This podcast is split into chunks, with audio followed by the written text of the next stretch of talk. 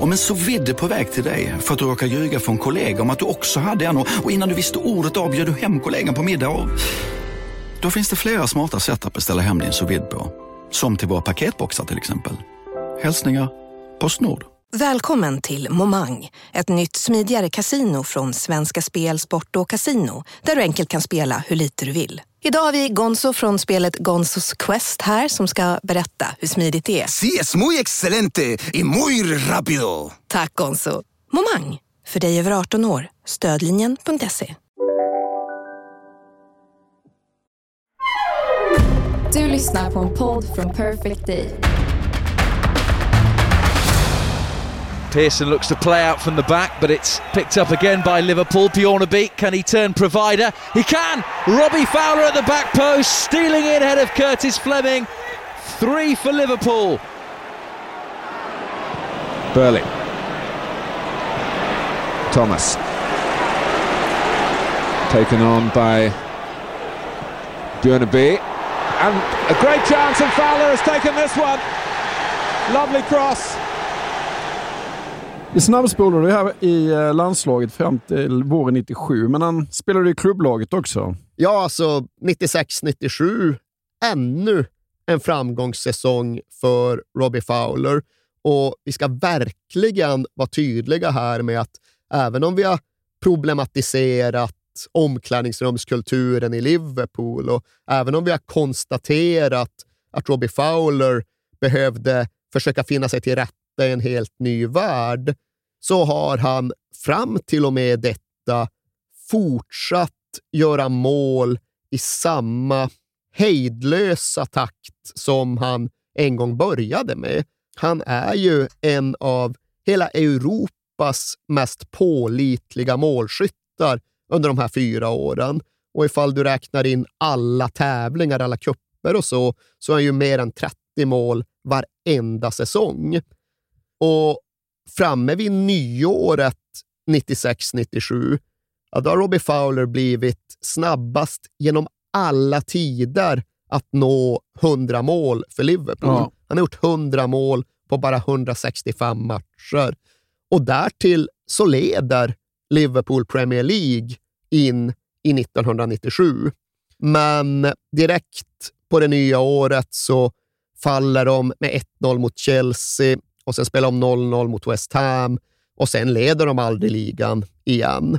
Och även om Fowler fortsätter ösa in mål så vill jag väl ändå påstå att våren 1997 blir perioden då hans karaktär och kontroverserna runt honom för första gången faktiskt växer sig större än spelaren och målgöraren. För fram till och med nu har det ändå varit Robbie Fowler, den där unga killen från Liverpool som gör alla de här målen, men som det också händer rätt mycket runt. Men från och med 1997 och framåt så menar jag nog att det istället blev Robbie Fowler, den där struliga skandalspelaren som även gör en del mål.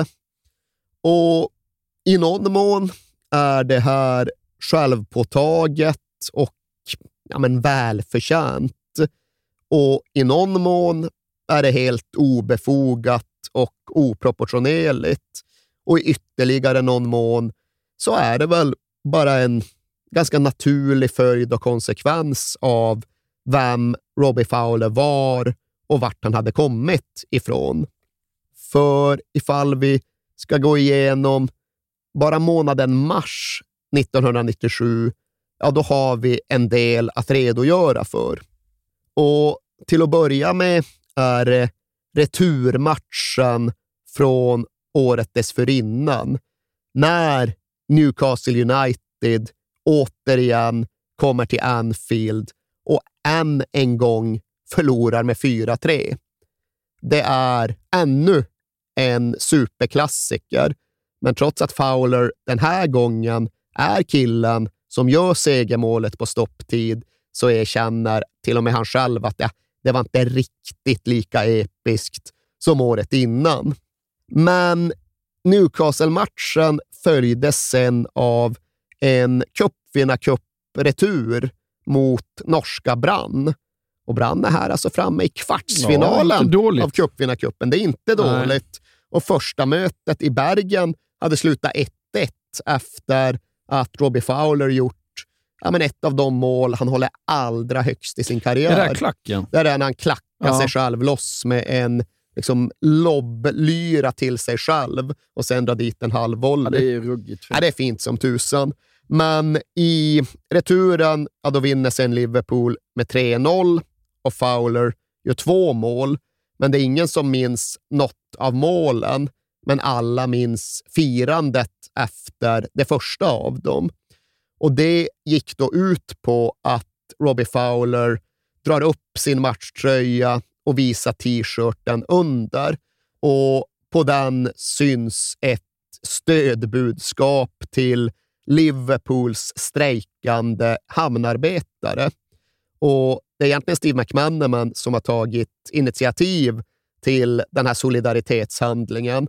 För McManaman hade en morbror, tror jag det var, som var hamnarbetare. Men att eh, de båda tog den här ställningen och att Fowler verkligen visade det för omvärlden, det menar jag ligger på deras pluskonto. Ja, det är liksom en stark sak att göra och det visar på att Fowler har behållit det här fotfästet, den här kontakten med staden han kom ifrån. Och Dessutom vet jag ju att han donerade rätt mycket pengar till strejkkassan utan att göra något nummer av det. Så snyggt Robbie Fowler, bra, bra Steve McManaman, men Uefa gjorde inte samma bedömning. Nej. Här tillåts inga politiska markeringar överhuvudtaget, så här blir det böter att vänta. Men innan det hunnit fattas något beslut om något bötesbelopp så åkte Liverpool ner till Highbury för att möta Arsenal och i den matchen tilldöms de en straff efter att Fowler har gått omkull mot David Seaman i offensivt straffområde. Men när domaren stegar fram för att förkunna detta beslut så försöker ju Fowler få honom att ändra sig. Nej, nej, nej, nej, nej domaren, nej, nej. Alltså, det här är ingen straff. Jag fattar hur det såg ut, men jag tappade bara balansen och det var inte Simens fel. Jag vill inte ha någon straff. Nej. Jo, men du ska ha en straff. Nej, Ja, och där, tyst nu Robbie, vi tar straffen, ja. säger hans lagkamrater. Och det hör väl till sak att de fick den där straffen och, tror jag, slog in den i mål. Så Fowler lyckades inte snacka bort den fördel han fått tilldelad sig. Men det var ändå ännu en sån där gest som verkligen uppmärksammades över världen och som gav Robbie Fowler goodwill. Ja, det blev Fifa Play of the... Eller det här...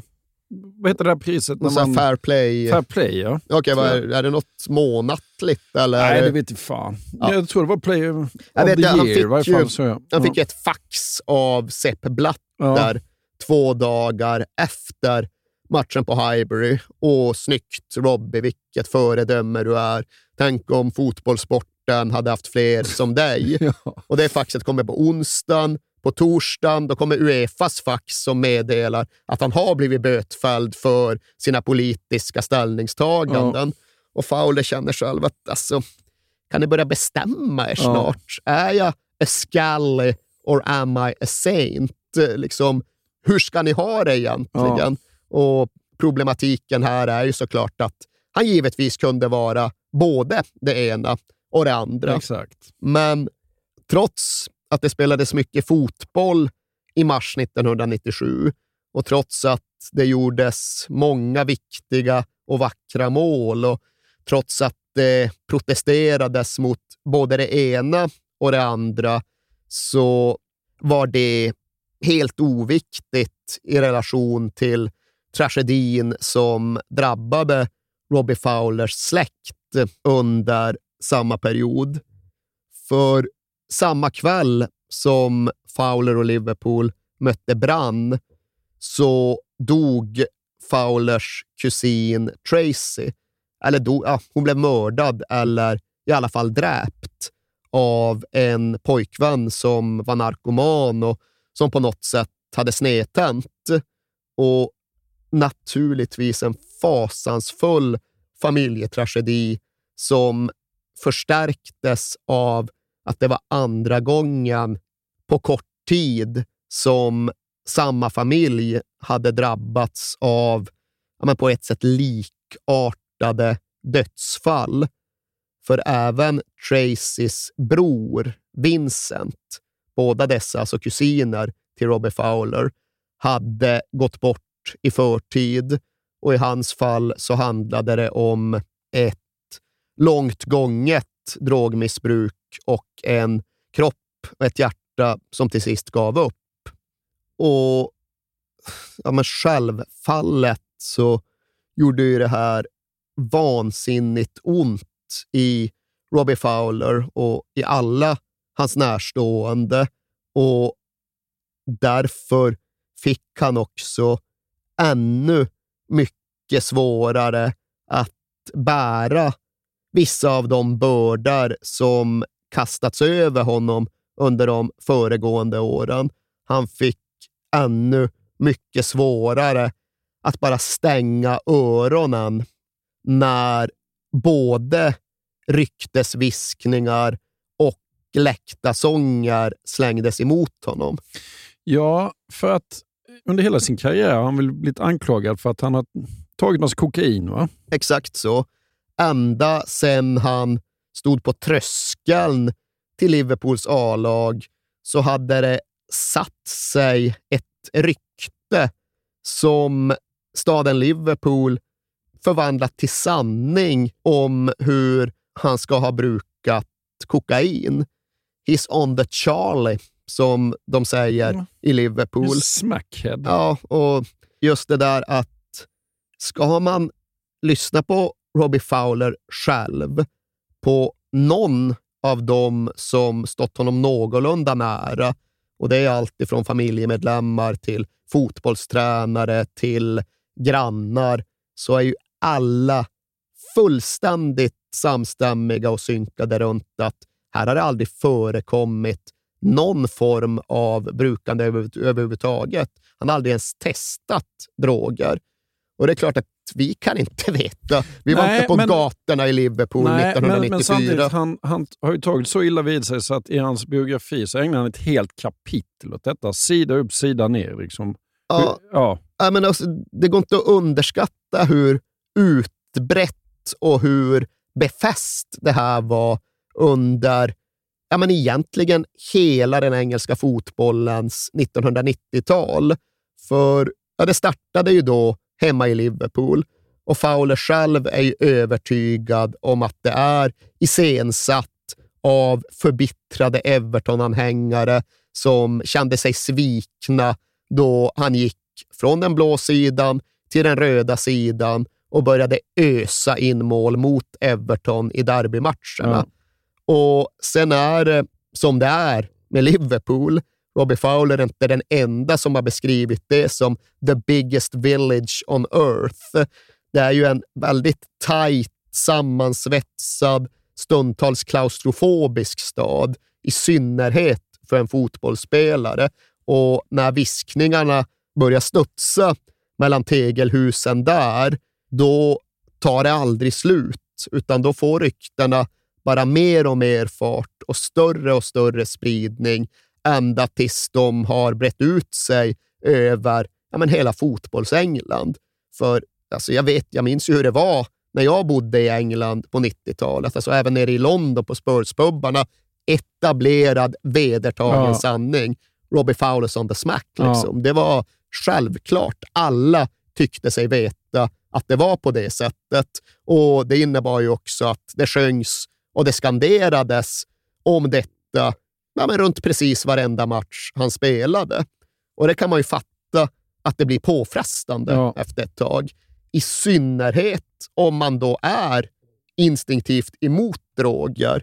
Och ifall det sen förvrids av att två kusiner har dött till följd av drogmissbruk, ja, då går det verkligen att begripa att någonting till sist går sönder inom en. Att du når en punkt där bristningsgränsen passeras. Att det inte liksom längre bara går att svälja att du kommer hem till din morsa och hela hennes bakre husvägg är nedklottrad med ordet smackhead i två och en halv meter höga bokstäver. Mm. Och Det här var ständigt närvarande för hela familjen, hela släkten genom hela 1990-talet. Och Det fick dels hans farsa att verkligen börja avsky Everton med innerlighet. Klubben han då själv hade vuxit upp med eftersom att han menade att ryktena kom därifrån. Och Det innebar dessutom att Robbie Fowlers syrra blev utsatt för någon typ av utpressningsförsök. Ja, vi vet allt. Vi har bevisen på att din bror visst använder kokain och ifall vi inte får de här pengarna så tänker vi gå till pressen med vår dokumentation. Och eftersom att familjen då var övertygad om att det inte fanns någon dokumentation så bestämde de sig för att gå till polisen, berätta om utpressningsförsöket och därefter iscensätta ja, men, en fälla för att snärja de ansvariga. Så Robbie Fowlers syrra blir utrustad med avlyssningsapparatur och allt och ska få en honey trap att slå igen när hon stämmer möte med dessa utpressare. Men kanske blev de förvarnade eller något, för när det väl var dags så dök de helt enkelt inte upp. Nej. Men såklart, när de här unga människorna faktiskt dog, när allting förändrades, då kände ju Fowler att nu får det fan räcka. Nu får det bli ett stopp på det här. Så han fick Liverpool FC att gå ut med officiella skrivelser om hur ofta och hur noggrant Robbie Fowler dopningtestades, hur dessa tester även skulle ha givit utslag om man hade använt någon typ av narkotika och att det liksom var medicinskt säkerställt att så inte var fallet. Men inte fan räckte ju det. Liksom. Inte fick det ryktena att försvinna och inte gjorde det så att derbymatcherna som Fowler spelade mot Everton blev mindre laddade. Nej.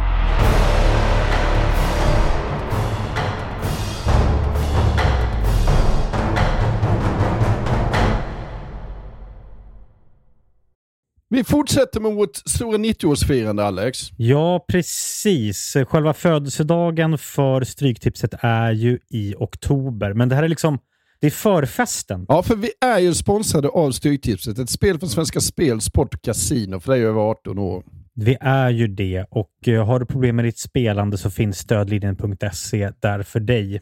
Och jag uh, funderade lite så här, undrar hur många som har haft 13 rätt genom de här 90 åren. Som har uh, förtjänat den här respekttröjan. Liksom. Vi firar ju på vårt speciella sätt med våra kära lyssnare som ja, älskar Stryktipset och har skickat in historier till oss om eh, hur Stryktipset har påverkat dem i 90 minuten. Och fortsätt gärna skicka in de fina historierna till kings at perfectdaymedia.se. Har vi någon historia idag? Ja, det har vi. Och den kommer från Thomas. Den är kort mm. koncis. Mm. Den går så här. Jag vill tro att detta är 2010 Arsenal spelar otrolig fotboll och ska bara städa av Sunderland och leder med 1-0 på stopptid. Mm. Jag har 12 rätt med häng på 13. Jag minns som sagt inte vilket år det är, men målskytten glömmer jag aldrig. Darren fucking Bent. Han bombar in 1-1 och 12 blir 11 som sen blir 10 rätt. Styrtipset är verkligen otroligt och otroligt grymt ibland. Tack för en fin podd. Om jag inte har helt fel så har Darren Bent även en historia i Tottenham va? Det har han, verkligen. Ja. Men det går så, vi inte in på nu. Nej, men det var ju ändå fint att Darren Bent sänker Arsenal för Sunderland. Ja, det får man ändå säga. Men vi säger stort tack till Thomas och vi säger stort tack till våra vänner på Stryktipset. Vi är sponsrade av Ikano Bank och Ikano Bank är ju banken för allt som rör hus, hem och ekonomin däromkring. Och de har ju också en tagline som är Sveriges hemkäraste bank. Är inte det exakt det man är ute efter när man söker efter en bank? En bank med tydliga, bra bolån, privatlån, sparande med schyssta villkor, konkurrenskraftiga räntor, Håkan. Det är väl det enda man bryr sig om i dessa dagar. Ja, och så vidare. Så är det faktiskt. Ja. Ja. Och de har ju faktiskt rätt att kalla sig Sveriges hemkäraste bank. Därför att Ikano Bank startades av grundaren till Ikea.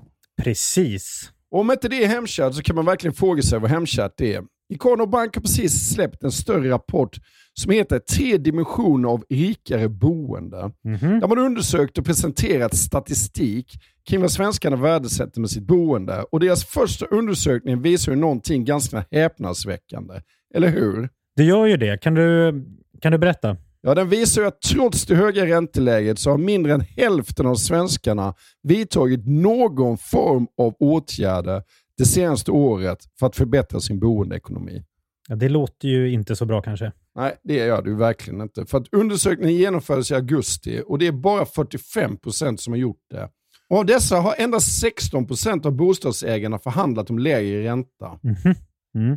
Många verkar ju ha en uppfattning om att det är jobbigt och krångligt att byta bank, vilket det inte är. Fler borde kolla upp om du kan spara pengar genom att byta bank. Därför uppmanar vi er att ta kontakt med Ikano Bank eller gå in på ikanobank.se för att se om du faktiskt kan få en bättre ränta. Vilket är en no-brainer med tanke på hur ränteläget ser ut, eller hur? Verkligen, så är det ju. Vi säger stort tack till Ikano Bank.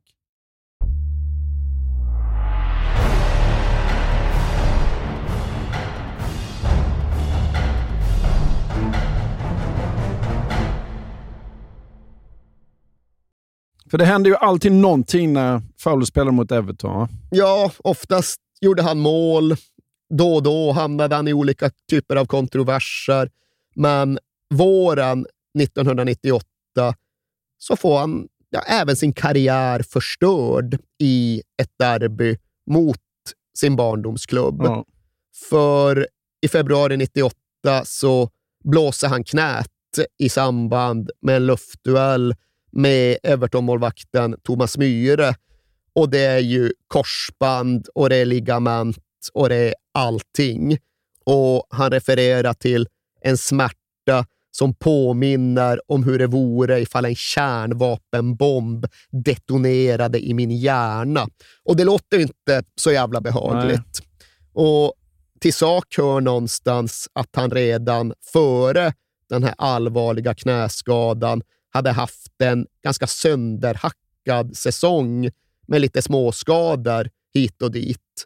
Och Michael Owen hade virvlat in på turbofart och delvis tagit manteln som den stora lilla egna röda målmaskinen.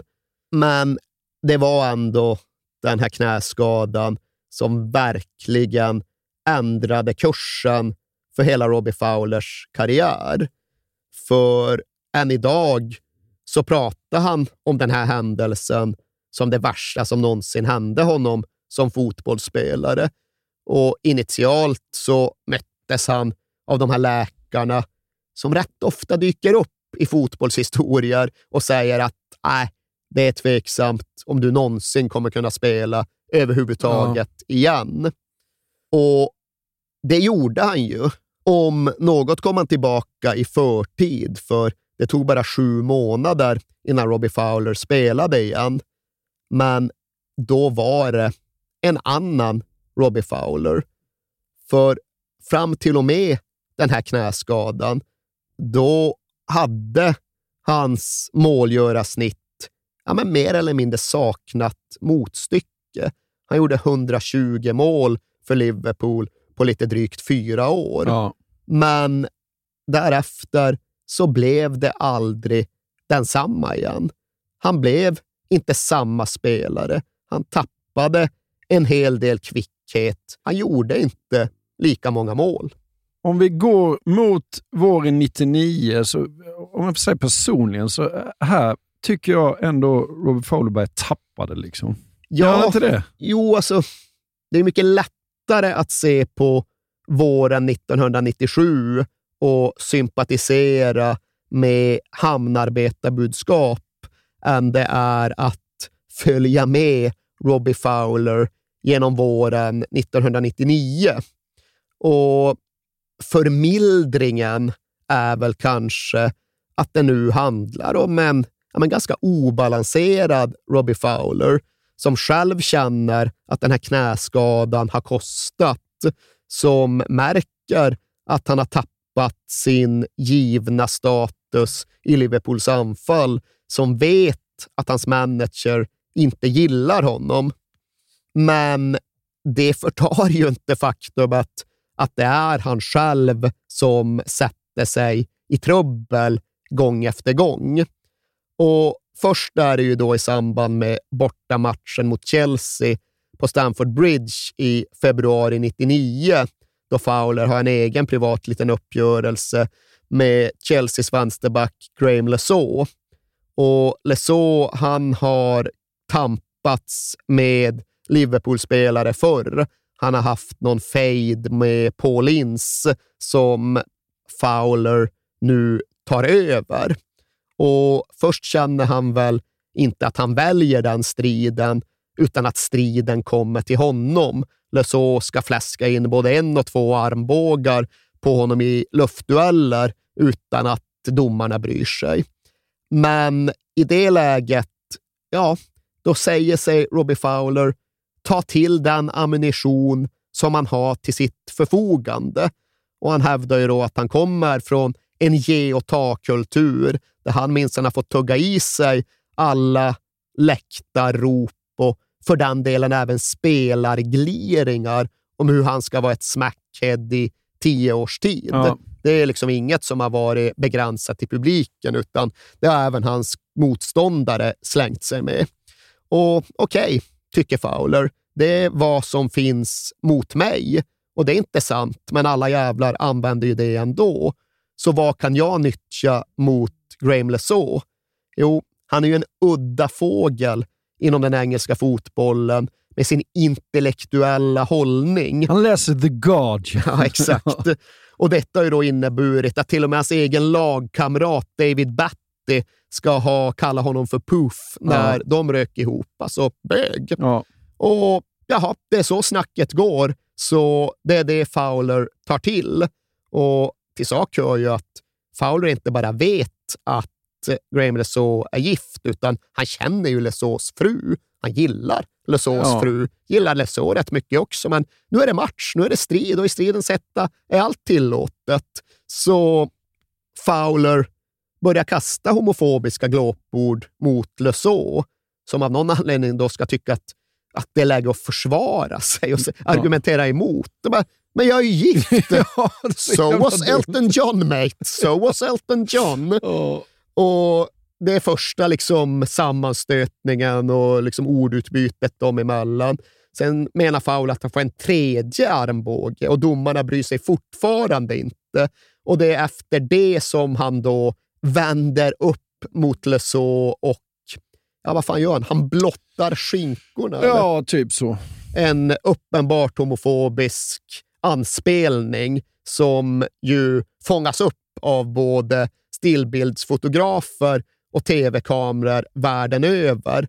Och det här är ju med rätta inte det som Gerard Houllier ser som lämpligt ambassadörskap. Så redan här känner ju han, ja, men som du, att den här jävla Fowler, ja, han håller fan på att tappa det. Ja.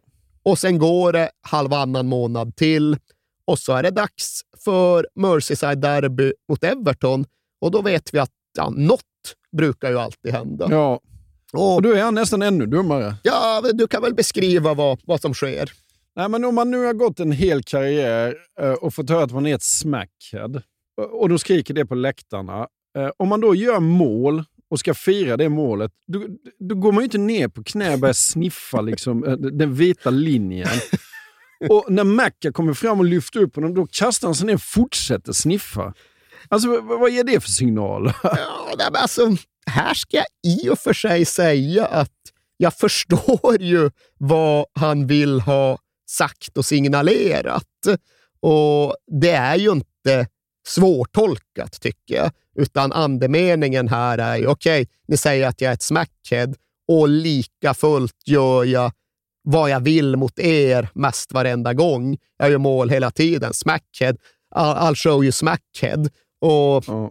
alltså i kontexten av ryktesstaden Liverpool så tycker jag det är begripligt och nästan även förlåtligt. Nej. Men Eh, alltså- Nej, men Erik, inte om du befinner dig i hans situation. Eller ja, förlåt, det är klart att det är förlåtligt. Ja, Man är inte men- liksom dö dödsdömd för ett överilat firande. Men jag tycker nästan att det är acceptabelt utifrån kontexten av fotbollsstaden Liverpool. Ja. Däremot så inser både jag och förhoppningsvis alla andra att Liverpool-derbyt är inte längre ett lokalt territoriellt stamkrig. Det är en global idrottshändelse. Och när du firar på det där sättet inför en publik som består av hundratals miljoner människor världen över utan någon form av kontext eller fotbollskulturell förståelse för hur glåporden går i Toxteth, ja då är det väl lite mer svåraccepterat. Men ja, alltså firandet, ja det fick väl vara vad det var, men jag tycker någonstans att det som, ja, men som faktiskt är helt obegripligt än idag, det är ju hållningen och linjen som Olier slår in på för att försöka ursäkta, eller snarare desarmera helt hela situationen. Det är helt sensationellt. Jag älskar bortförklaringen.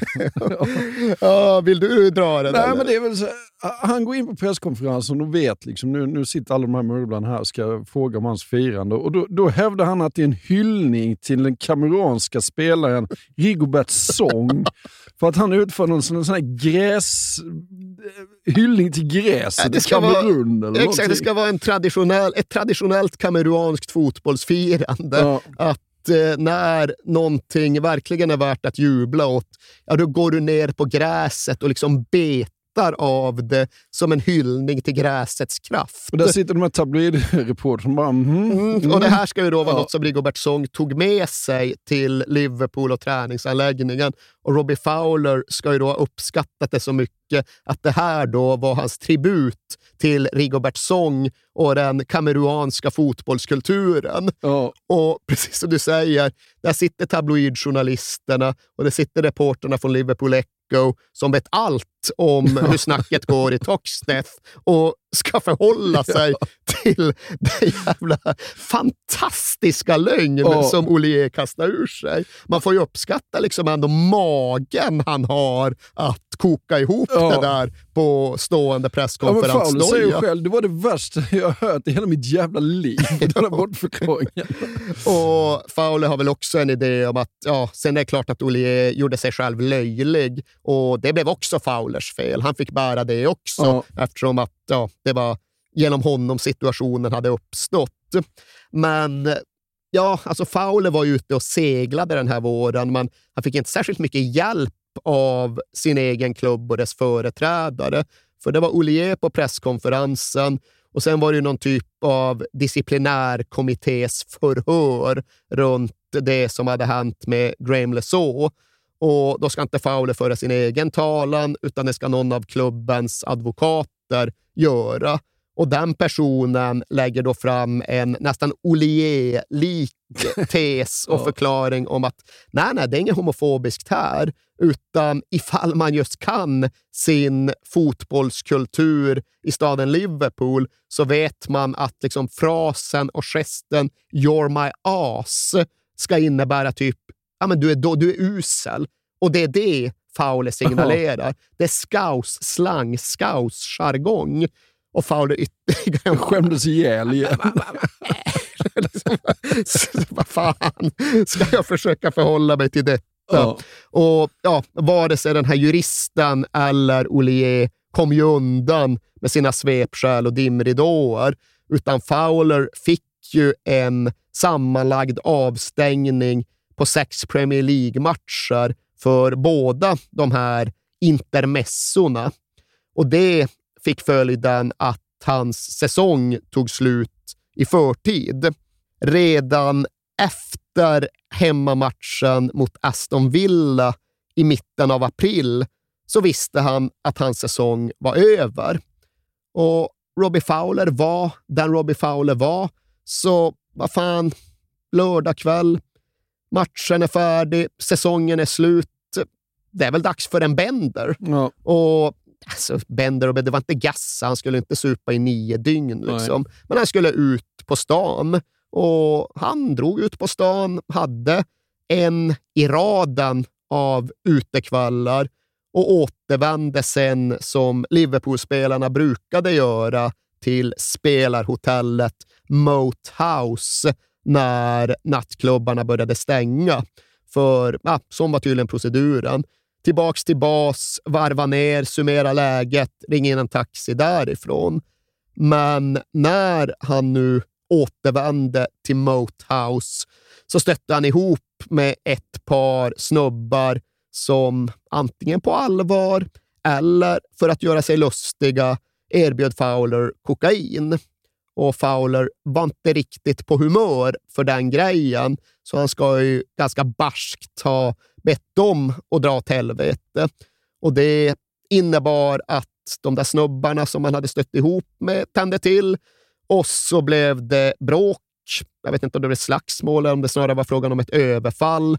Men Fowler fick i alla fall sin näsa sönderslagen och även om säsongen var slut för honom så nådde detta såklart Olier och var väl inte heller riktigt förenligt med det ambassadörskap som han tänkte sig och tog inte heller Robbie Fowler till någon bättre eller lyckligare plats. För han hade velat radera allt det här snacket om honom som smackhead, såklart. Ja. Han hade fått klubben att gå ut med liksom en officiell förklaring till hur omöjligt det egentligen var. Han hade genomfört sitt väl genomtänkta och lustiga, sarkastiska firande. Men inte hade det blivit bättre för det. Nej. Utan om något så var ryktet om honom som knarkare befäst snarare än försvagat in i sommaren 99. Everywhere I went I had kids shouting smackhead at me. Uh-oh. Och det gör väl inte heller tillvaron i ett allt mer klaustrofobiskt Liverpool med en allt mer fientlig tränare särskilt mycket enklare eller lättare. Nej, om man ska se det från Oliers synpunkt så måste han ju varit så in i döden trött på, på Robbie Fowler alltså. Ja, och till saken hör ju verkligen att han hade ju inte fått ut särskilt mycket av honom Nej. heller. Det var en säsong som han hade inlett skadad och som han hade avslutat avstängd. Och förut kunde det ju liksom ta fullständigt för givet att Fowler gav dig 25-30 mål på en säsong. Nu kom han inte ens upp i 20 och ja, det var helt enkelt klart sämre output än någonsin tidigare för Robbie Fowler. Ja.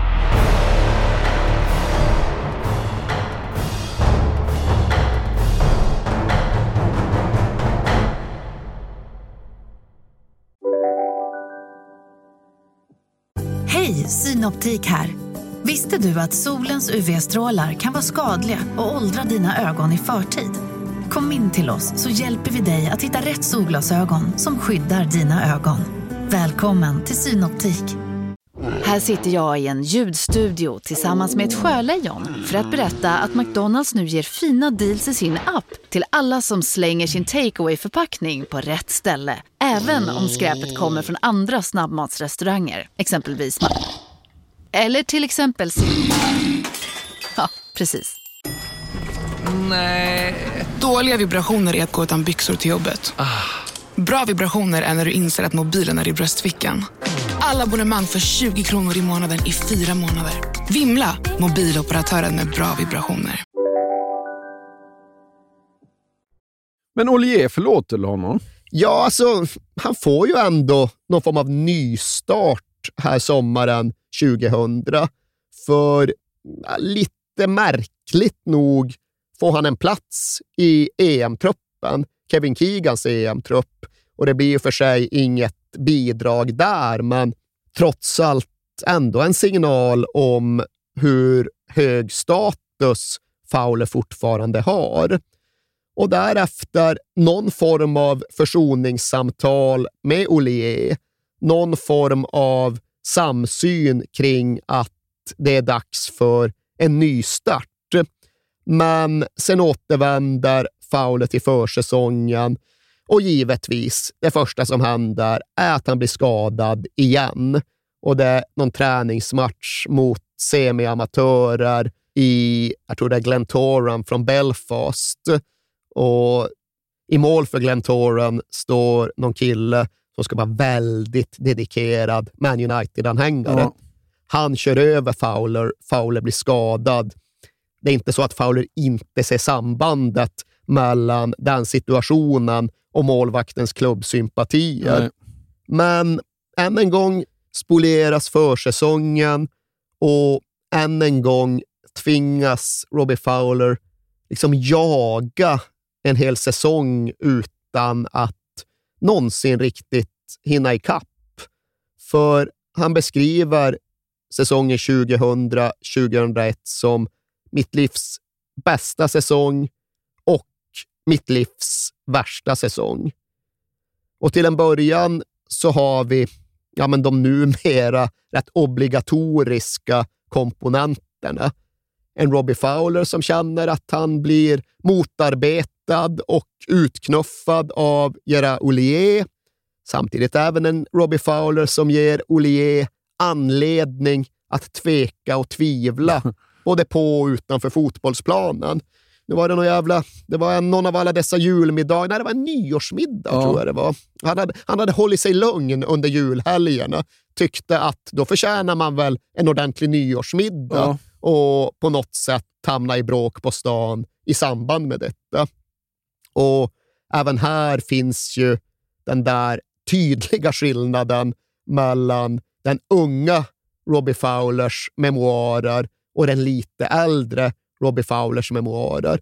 Den första boken mest ett enda urskuldande och den andra boken, undrar om inte hela kapitlet heter typ Don't go there. Nej. Alltså visst, det är liksom folk provocerar, andra som kastar första stenen. Det är inte så att du går ut och söker trubbel, but don't go there. Liksom, Om den äldre Robbie ska säga då till en yngre Robbie, det är att liksom, håll dig bara borta borta för en gångs jävla skull. Kunde han inte ha fått en mentor när han var 18 som faktiskt sa det här till honom? Jo, det hade man kunnat önska sig. Mm. Och ja, Hade han kommit fram idag så är det möjligt att han hade trivts lite sämre, men kanske hade han fattat en lång rad bättre beslut ja. som med tiden ändå hade tagit honom till en lyckligare plats. För in i våren 2001 så är inte Robbie Fowler på någon lycklig plats. Visserligen tillbaka i spel, men ganska sällan använd.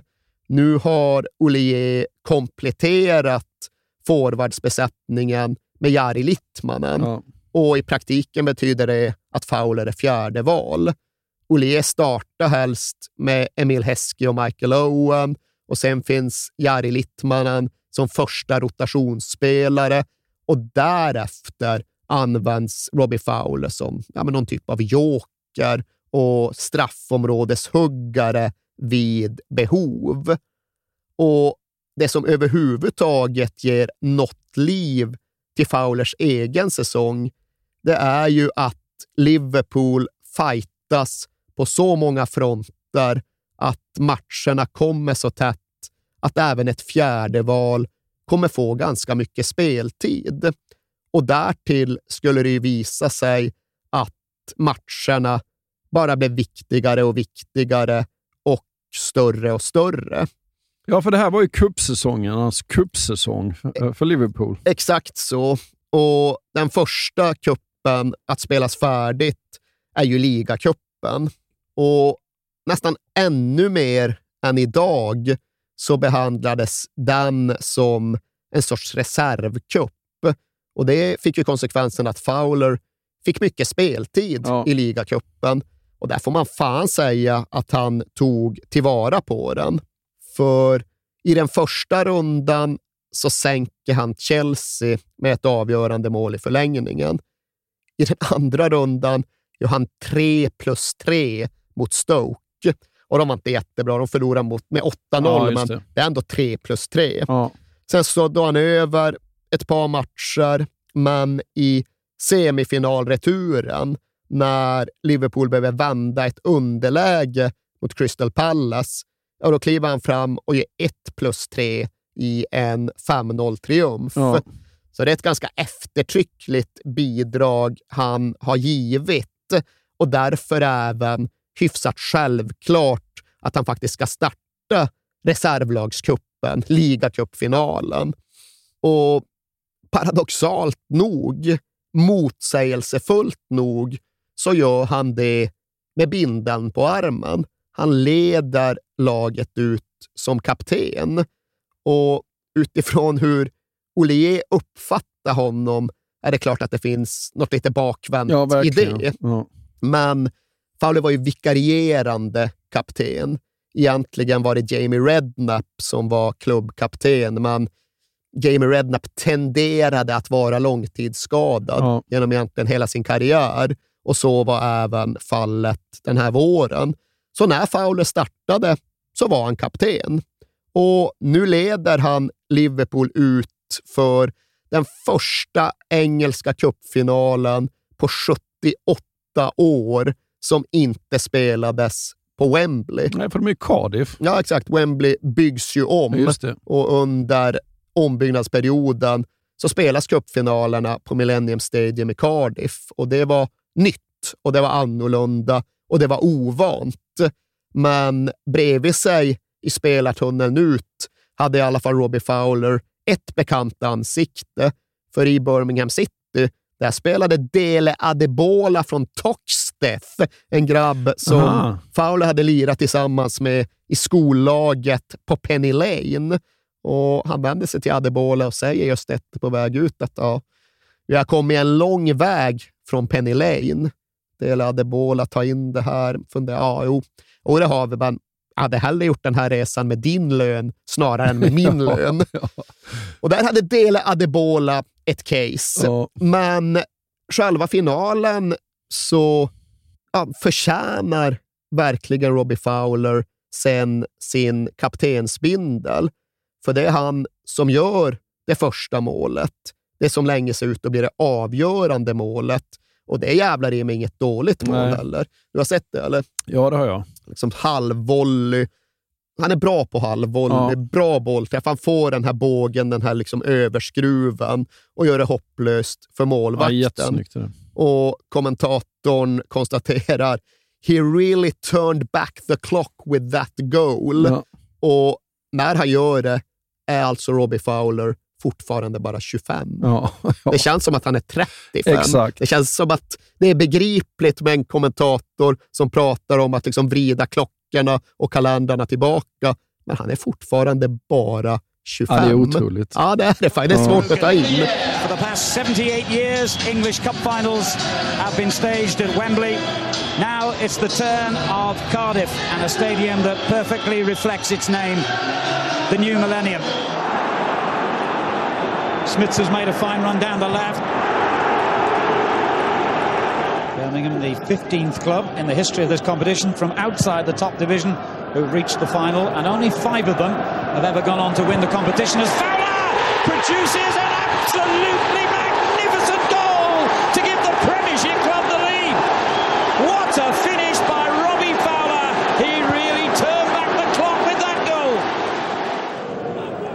Och här hade det verkligen varit på sin plats att det där målet fick bli avgörande och att Robbie Fowler fick bli matchhjälte som kapten för sitt Liverpool.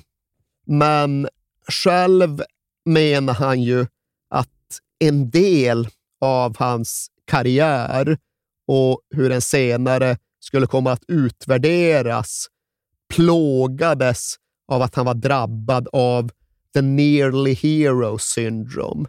Alltså situationen där han gång på gång nästan blev hjälte, men sen fick rollen ifråntagen sig.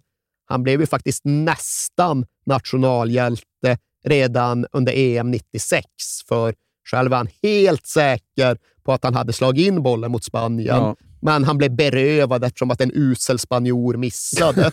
Ja. Och nu blir han berövad på den här hjälterollen eftersom att hans granne Stefan Anjou får för sig att bara saxa ner en Birmingham-spelare i straffområdet på stopptid. Och det är liksom jättestraff. Men det är en minut ifrån slutsignalen och där försvann matchhjältekepsen. För Birmingham kvitterade och Birmingham borde sedan haft en andra straff i förlängningen. Det är Anjou igen. Det är dunderstraff igen. Men domaren får av någon anledning för sig att fria och matchen går till ett straffsparksavgörande. Och där står Robbie Fowler och ska slå den femte straffen. Och nu ska han väl ändå få bli hjälte, för in i den näst sista omgången har Liverpool övertaget. Om nu bara Didi Hamann slår in bollen, ja då kommer Fowler kunna få avgöra. Men odugliga jävla tysk till att skjuta straffar. Nu missar Hamann och Fowler kan inte alls avgöra. Han måste istället göra mål för att liksom hålla Liverpool kvar i matchen. Vad fan är det för hjälteroll? ja, men, ja, men nu har du rätt mycket att förlora, Robby. Det kanske är en rätt kämpig situation att gå fram och slå den här straffen. Men du har sett hur han gör det? Nej, det har jag inte gjort. Går fram och liksom lobbar in straffen i ena krysset. Alltså det, det är iskyligt Ja. gjort. Han har inte a care in the world. Men sen missar en Birmingham-spelare. Jamie jävla Carragher får avgöra Ja. och slå dit den sista straffen.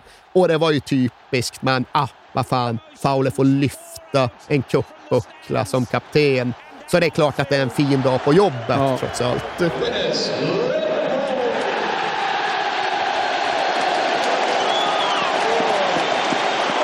A trophy at last for Robbie Fowler, only the second of his career.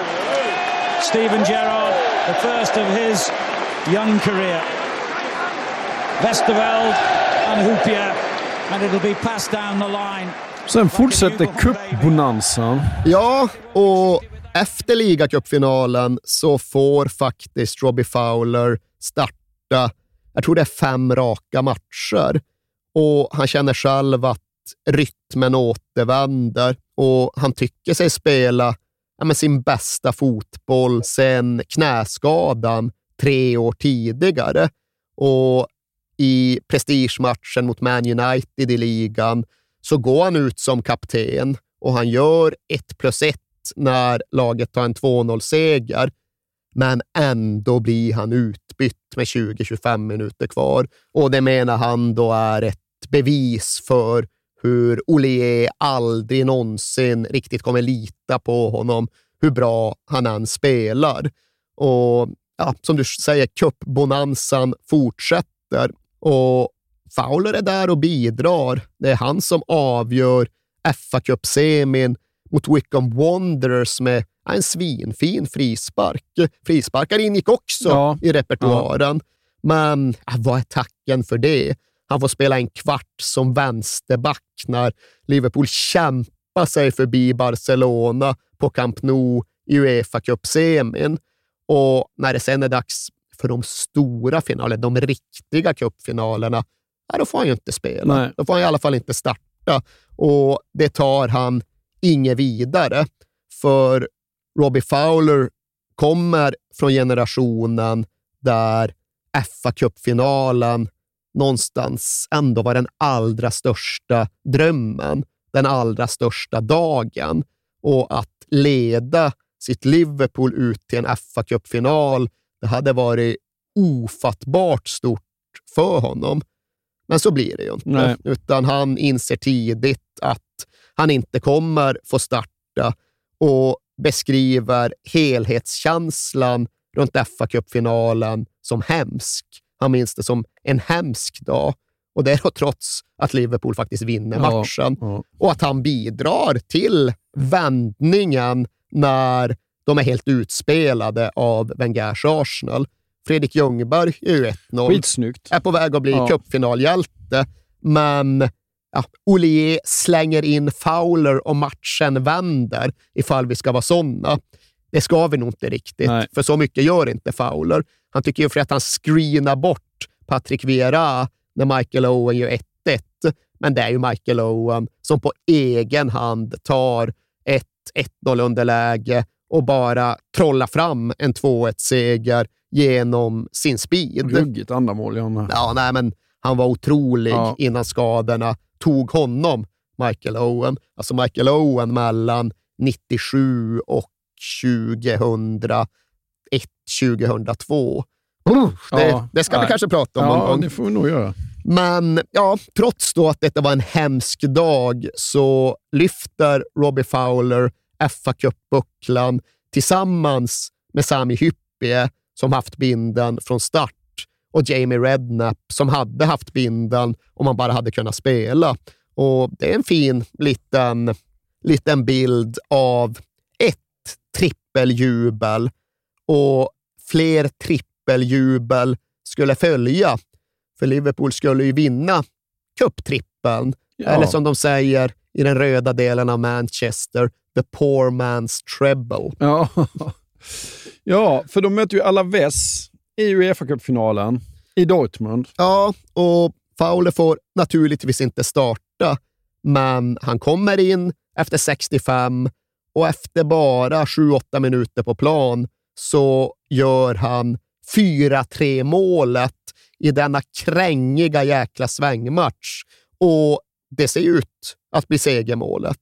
Nu ska han äntligen få bli hjälte. Den sista och kanske största av de här cupfinalerna ska avgöras av Robbie Fowler. Hans dag har äntligen kommit och in på stopptid så förblir situationen densamma. Men så är det hörna och så kommer Sander Westerfelt ut fel och Jordi Cruyff av alla, alla, människor, ja. den gamla Man United-spelaren Ja. Jordi Cruyff, nickar in kvitteringen trots att han är usel på huvudet. och Robbie Fowler står där och känner att hans nearly the hero syndrome bara blir värre och värre. Och utan omskrivningar medger han att han ville strypa Sander Westerfelt. Han är som den där spanska matadoren i Tjuren. Han Som tittar på mig. Det spelar ingen roll om man vinner. Liksom. Han får inte visa hur tapper han är med sin cap och sitt svärd. Och Det kanske är liksom signifikativt för en skyttekungs mindset. Ja. För förl- i förlängningen så vinner de ju ändå på Ja. självmål. Ja, det, alltså, det är en otrolig jävla final det Ja. Den slutar så 5-4 till Liverpool efter att ett niomanna Alaves drabbade av två röda kort. Alltså Nick skarvar in bollen i egen bur i 117. Ja. Och Robbie Fowler hade ju förmodligen slagit den femte straffen ifall det bara hade blivit straffar. Ja. Så det, det är inte ren glädje han känner när den bollen går in. Men även om Jordi Cruyff hade berövat honom på hjälterollen så satte Robbie Fowler värde på att Johan Cruyff delade ut medaljerna. För än en gång, enligt honom själv, så böjer sig Johan Cruyff fram till honom med medaljen och liksom gestikulerar menande mot Olier och säger “Don't let him drag you down, Ja. you're too good”. Ja.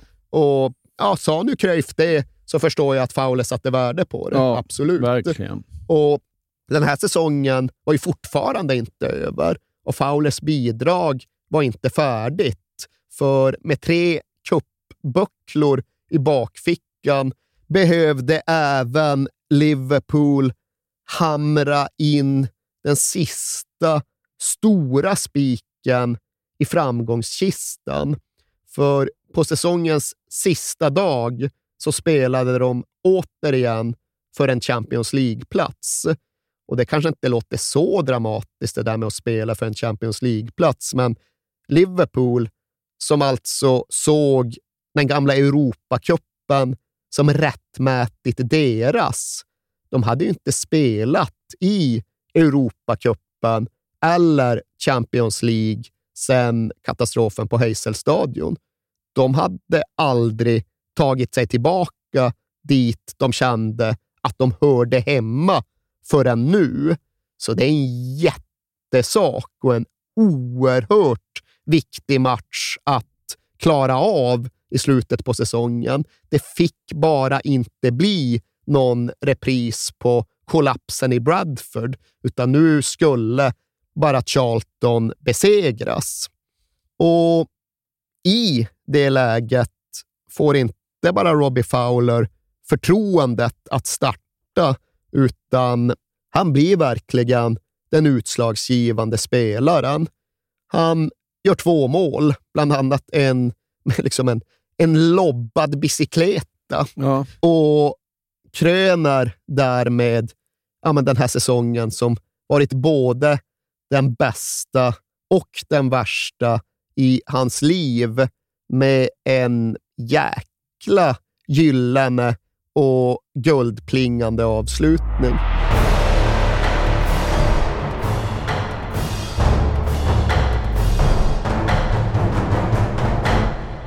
Hans karriär ska ju faktiskt så här på, på sluttampen få en rätt härlig twist ändå. en fantastiskt härlig twist. För medan han var borta och köpte upp sig på fastigheter i Manchester och missade straffar för Man City, så gick ju Rafa Benites Liverpool osannolikt nog och blev Europamästare. Och det där vet jag att det givetvis kändes lite dubbelt i Robbie Fowler. Men han var där va? Ja, ja, han var där. Han åkte absolut. dit som fan. Han Ja. åkte dit som Manchester City-spelare och Liverpool-supporter och sjöng fram de sina och de röda. Och det finns såklart något vackert i det. Ja. Och glädjen han kände var ju sann, men den var också färgad av ett ganska begripligt styng av det borde ha varit jag. Men att den här säsongen då Liverpool blev Europamästare, vet du vem som var deras bästa Premier League-målskytt och hur många mål han gjorde? Steven Gerrard, Ja, hur många tror du han drog in i så fall? 14. Ja, Steven Gerrard toppade listan ifall du vägde in alla kupper och allting. Och då fick han ihop 13. Men bästa målskytt i ligan var Milan Baros med nio mål. Ja. Och det är klart att gör din bästa målskytt nio kassar, då finns det utrymme för förbättring, eller om inte annat för komplettering. Och detta fick ju Rafa Benitez att se över sin anfallsbesättning då även säsongen därpå innehöll liknande tendenser. Samtidigt så var det rätt tydligt att Robbie Fowlers Tiden Manchester City närmade sig ett oundvikligt slut för hans bidrag in i 2005-2006 var inte stort. Han gjorde egentligen bara en enda sak. Han gjorde ett enda mål och det var hans obligatoriska mål mot Manchester United. Och säsongen som föregick denna, då hade han firat sitt mål mot Man United med att hålla upp fyra fingrar mot deras läktare. Fyra fingrar för Liverpools fyra Europacuptitlar. Ja. Nu uppgraderade han. Nu var det fem fingrar mot Man United-läktarna. och gå och tycka att det är lite besynnerligt att en Manchester City-spelare firar med Liverpool-symbolik. Men... Det är bättre att sniffa linje i varje fall. Är det det? Ja, jo, kanske. Kanske så är det så. Men just den kopplingen och de banden innebar att en övergång som annars hade varit helt utesluten nu från ingenstans förverkligades. För transferfönstret i början av 2006, Robbie Fowler funderade på om man kanske skulle flytta till Wigan eller inte. Det var liksom den digniteten på erbjudanden han hade.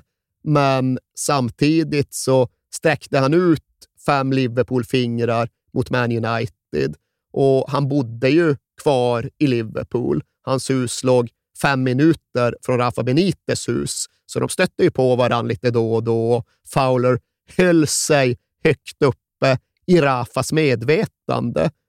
Och så en dag i januari, bara det där telefonsamtalet när Fowler är på golfbanan. Ja, tjena, tjena, det är Rafa här.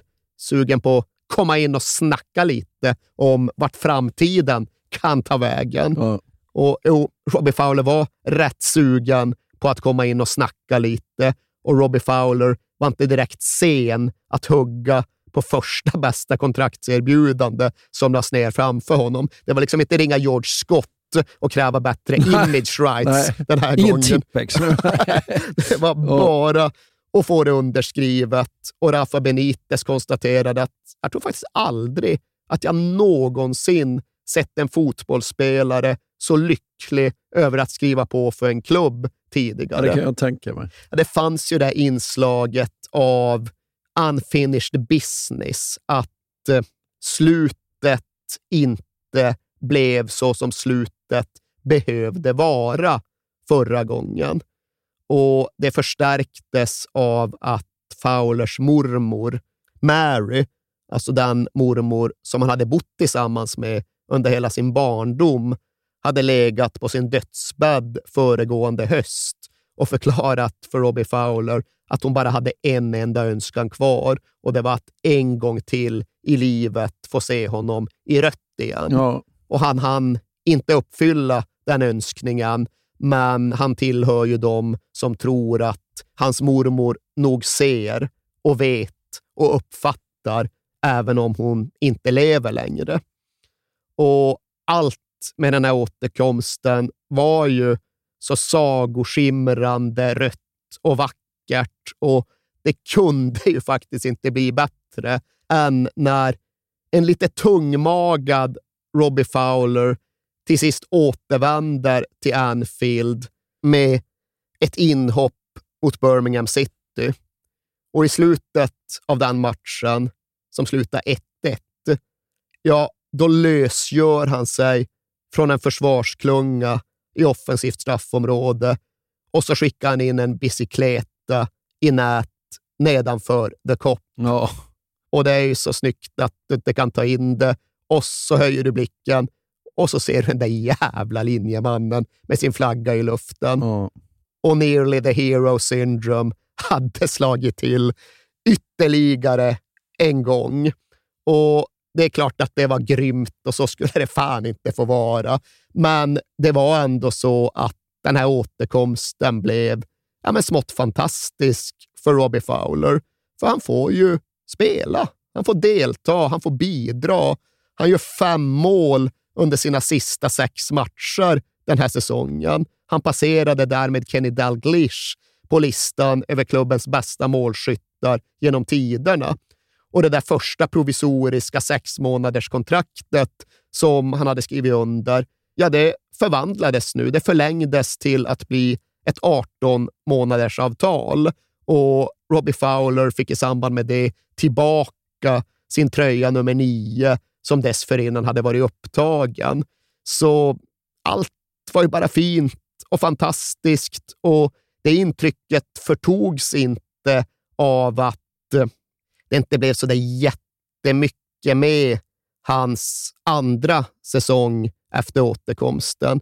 Han fick göra tre Premier League-mål, men det var på straff allesammans. Men eh, han var ändå där och han ingick i spelargruppen som nådde en Champions League-final igen, som var där för andra gången på tre år. Och han fick ju faktiskt speltid i den avgörande Champions League-finalen mot Chelsea på hemmaplan. Och Det var precis mot slutet och det var i ett läge när det var rätt uppenbart att det skulle bli straffsparksläggning. Och Det var ju av den anledningen som Rafa Benitez bytte in Robbie Fowler, för de kom överens om att det var femte straffen som gällde för honom. Så där stod han och väntade och visste. Och här är han ju ja, men, ganska häpnadsväckande öppen kring hur han på allvar inte vill att Liverpool ska vinna för tidigt. Chelsea missar för många, liksom Arjen Robben missar bollar och det innebär att Dirk Kuyt kan avgöra redan med Liverpools fjärde straff. Och Det är alltså för att skicka Liverpool till Europacupfinal, till Champions League-final. Men Fowler, han håller bara upp sina händer, liksom erkänner utan omsvep även i nutiden. Ja, ja, vad fan.